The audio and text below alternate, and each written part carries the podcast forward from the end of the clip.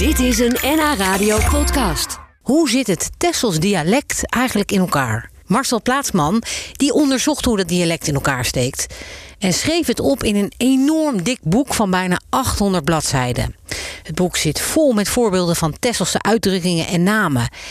Maar hoeveel kilo weegt dat boek eigenlijk? Eh, 1,6 kilo. Ik heb het ook meegenomen. Ik zal het straks wel even laten ploffen hier. Dan eh, kunnen de luisteraars het horen. Dat maakt een enorme kabaal, of Ja. niet? Maar dat is mooi. Na, na, na vuurwerk zijn we dat allemaal wel gewend. Zo is dat. Maar kun je eens vertellen wat jou bewoog om, om dit boek te maken en te schrijven? ja, ik ben eigenlijk niet opgegroeid op Texel, maar op het vasteland. De, de overkant, zoals Tesselaars dat dan noemen. Maar juist daardoor ging ik natuurlijk altijd naar mijn, naar mijn oma en opa toe. En vooral mijn oma. Mijn opa die is niet zo heel oud geworden. En hoorde ik het dialect van Tessel, want dat sprak zij. En ook met mij. En, en zodoende heb ik het als kind al opgepikt. Ik vond dat heel leuk dat, dat het bestond. Hè? Dat het een soort eigen taal voor dat eigen landje was. Want als kind denk je dat je naar een ander land gaat als je op die boot stapt.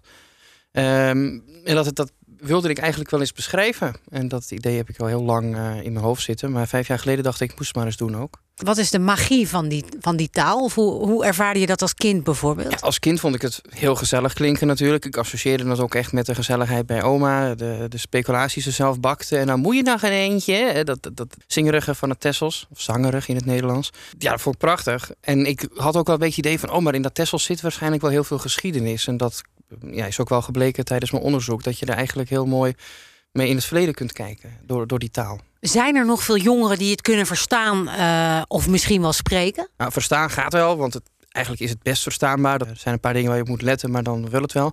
En veel jongeren hebben, net als ik, opa's en oma's die het spreken. Dus zodoende kennen ze het wel en kennen ze ook wel woordjes. Maar het wordt niet zo heel veel meer als echte spreektaal gebruikt. Maar hoe wordt het boek ontvangen op Texel zelf? Nou, mensen vinden het wel fijn dat het er is. En eh, dat hoor ik al heel veel mensen zeggen. Ja, het is goed dat het er is. En we hebben het natuurlijk nog niet gelezen, maar dan, oh, het is het tenminste. Eh, en dan eh, hebben ze zo'n zwaar boek in de kast staan. Maar er zijn gelukkig ook mensen al begonnen met lezen. En die zijn wel blij ook met. het is natuurlijk een taalkundig boek, dus je verwacht heel veel droge taalkunde. Zit er ook wel in, maar ik heb het toch ook wel een beetje leuk proberen te maken. Met gedichtjes tussendoor en wat persoonlijke aantekeningen. Maar hoe zie ik dan dan voor me? Jij, jij, jij fietst dan over het eiland Texel tegen Ja. de wind in.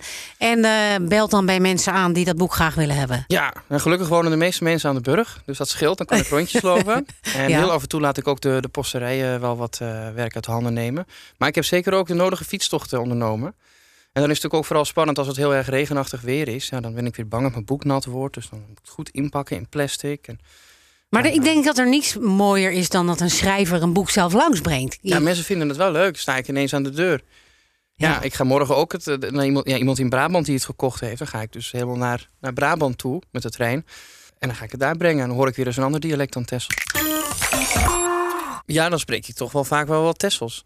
En wat natuurlijk vaak gebeurt is dat je een beetje half-half praat. Hè? Dus als je dan over iets aan de overkant hebt. Dus zo noemt Tesselaars het vasteland. Ik wijs nu ook maar gewoon naar opzij.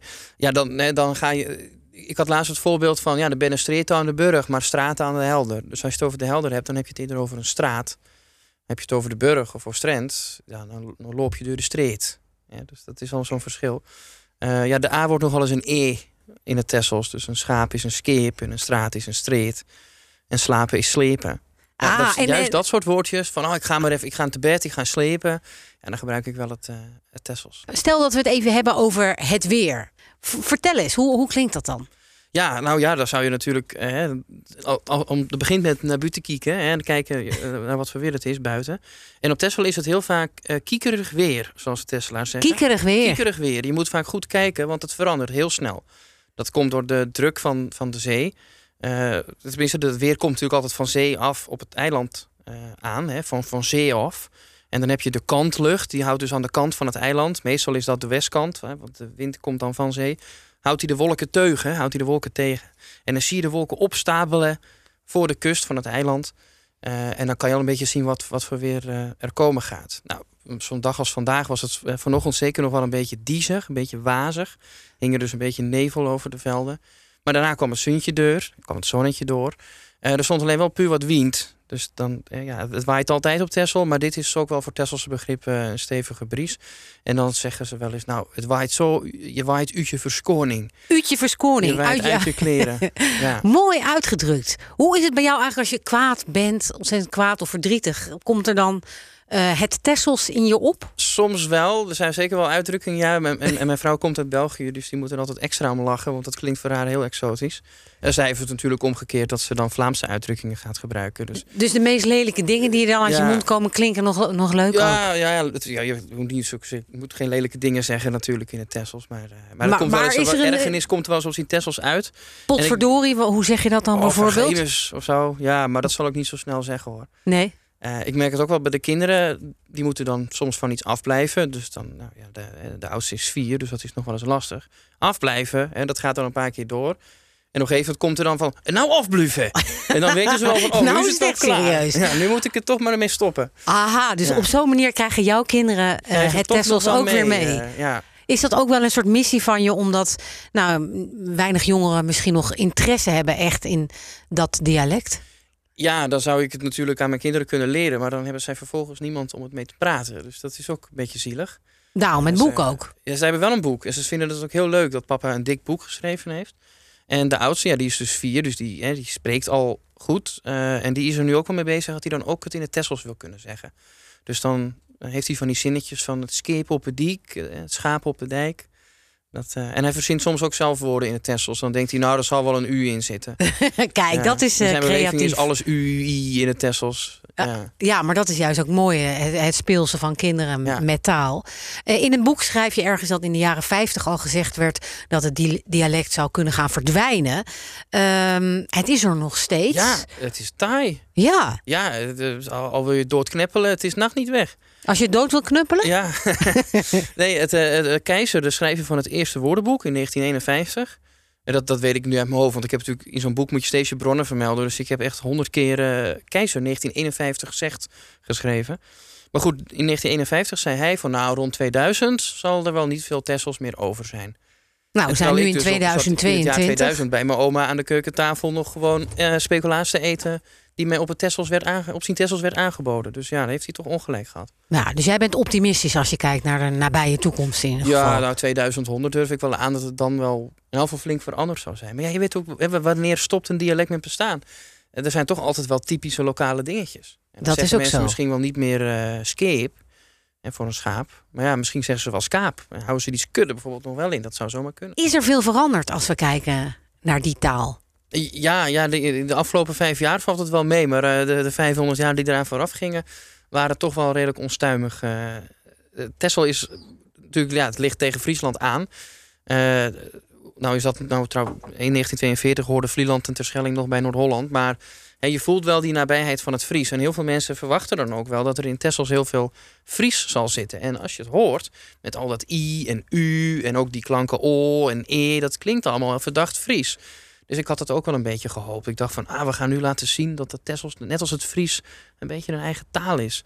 Eh, maar eigenlijk eh, ben ik er gaandeweg toch een beetje van overtuigd geraakt dat dat Fries dat in de middeleeuwen wel op Texel gesproken werd. Dat kun je wel terughalen uit, uit oude namen en zo en uit oude bronnen. Eh, dat dat niet eh, een continuïteit heeft, om het zo te zeggen, met het moderne Tessels. Maar dat het moderne Tessels eigenlijk rond 1600 is ontstaan toen Texel heel snel een nieuwe bevolking kreeg. Heel veel mensen kwamen van ergens anders eh, op Texel wonen. Ja, die, die boerenfamilies, zoals mijn familie, die waren er al. Maar de scheepvaartfamilies, die vanaf dat moment eh, veel belangrijker werden voor de eilandeneconomie, die kwamen vaak uit andere havensteden. En de taal van Texel leek eigenlijk meer op het Amsterdams van rond 1600 dan op het Fries dat er misschien in de eeuwen daarvoor nog wel gesproken was. Ah, wat bijzonder om te weten. En dat is extra leuk wat ik dus net zei over Eierland. Eh, eigenlijk heeft de geschiedenis zich daar dus herhaald. En die Eierlandse polder die werd drooggemalen en de mensen kwamen overal vandaan, maar niet van Texel. En die gingen dus niet typisch Tessels praten dan in hun geval, maar een soort Eierlands. En je zou zelfs kunnen zeggen dat in de Wieringenmeerpolder bijvoorbeeld die geschiedenis zich- later ook nog eens weer heeft herhaald. Mensen kwamen overal vandaan dan gaan ze toch maar een beetje een soort standaard onderling spreken. Maar de standaard van 1600, de taal die toen hip was in Amsterdam, en die is dus nou nog hip eh, op Texel. Ja, Nou ja, niet echt hip meer helaas. Maar misschien door, door dit boek weer ja door dit boek ja. wordt het, wordt het Ja, hip. ja. Hey, ik zei net eh, eh, tegen mensen die aan het luisteren eh, zijn... als je wil weten wat een ropie of een sochie is... ja, dat, dat ga je horen. Even beginnen bij een, een ropie. Ja, een ropie. Een ro- oh ja, een ropie. zo lekker Oh, en zo, ja. ropie. Nou, ik denk dat de Volendammers wel denken van... hé, hey, dat klinkt bekend. Want in Volendam hangen ze de was op aan een roop. dat is, een, ja, dat is in hun geval zijn dat drie touwen waar ze de, op een heel ingenieuze manier de was inknopen. Ik kan dat niet. Volendammers kunnen dat. Maar een rope, dat is dus een touw. En dan denkt de luisteraar waarschijnlijk al meteen aan het Engels rope. dus dat is ook wel weer mooi. Je voelt dan toch weer de zee als het ware door de taal klotsen. Uh, bij een sochie is dat veel minder zo. Want een sochie is echt een woord van het land. Het is een, uh, een lammetje dat niet meer bij zijn moeder uh, drinkt. Dus dat moet je met een, met een flesje groot brengen. Een sochie komt dan van het zog? De moedermelk, ja, denk ik? Van, van zuigen, dan een verkorting. Ah. zuigen is zuigen natuurlijk. En dat moet zo'n lammetje doen. Je kunt het ook een zuigenlatertje noemen. Dus die, ja, die heeft het laten om te zuigen. Hij is ermee uit met uskeeën met zuigen. Dus hij zuigt niet meer bij zijn mem. Ja, en dan moet hij dan maar hè, bij, uh, bij ons op scoort. En dan kunnen we het, het skeepje melk geven. Dit was een NH Radio podcast. Voor meer, ga naar nhradio.nl NH Radio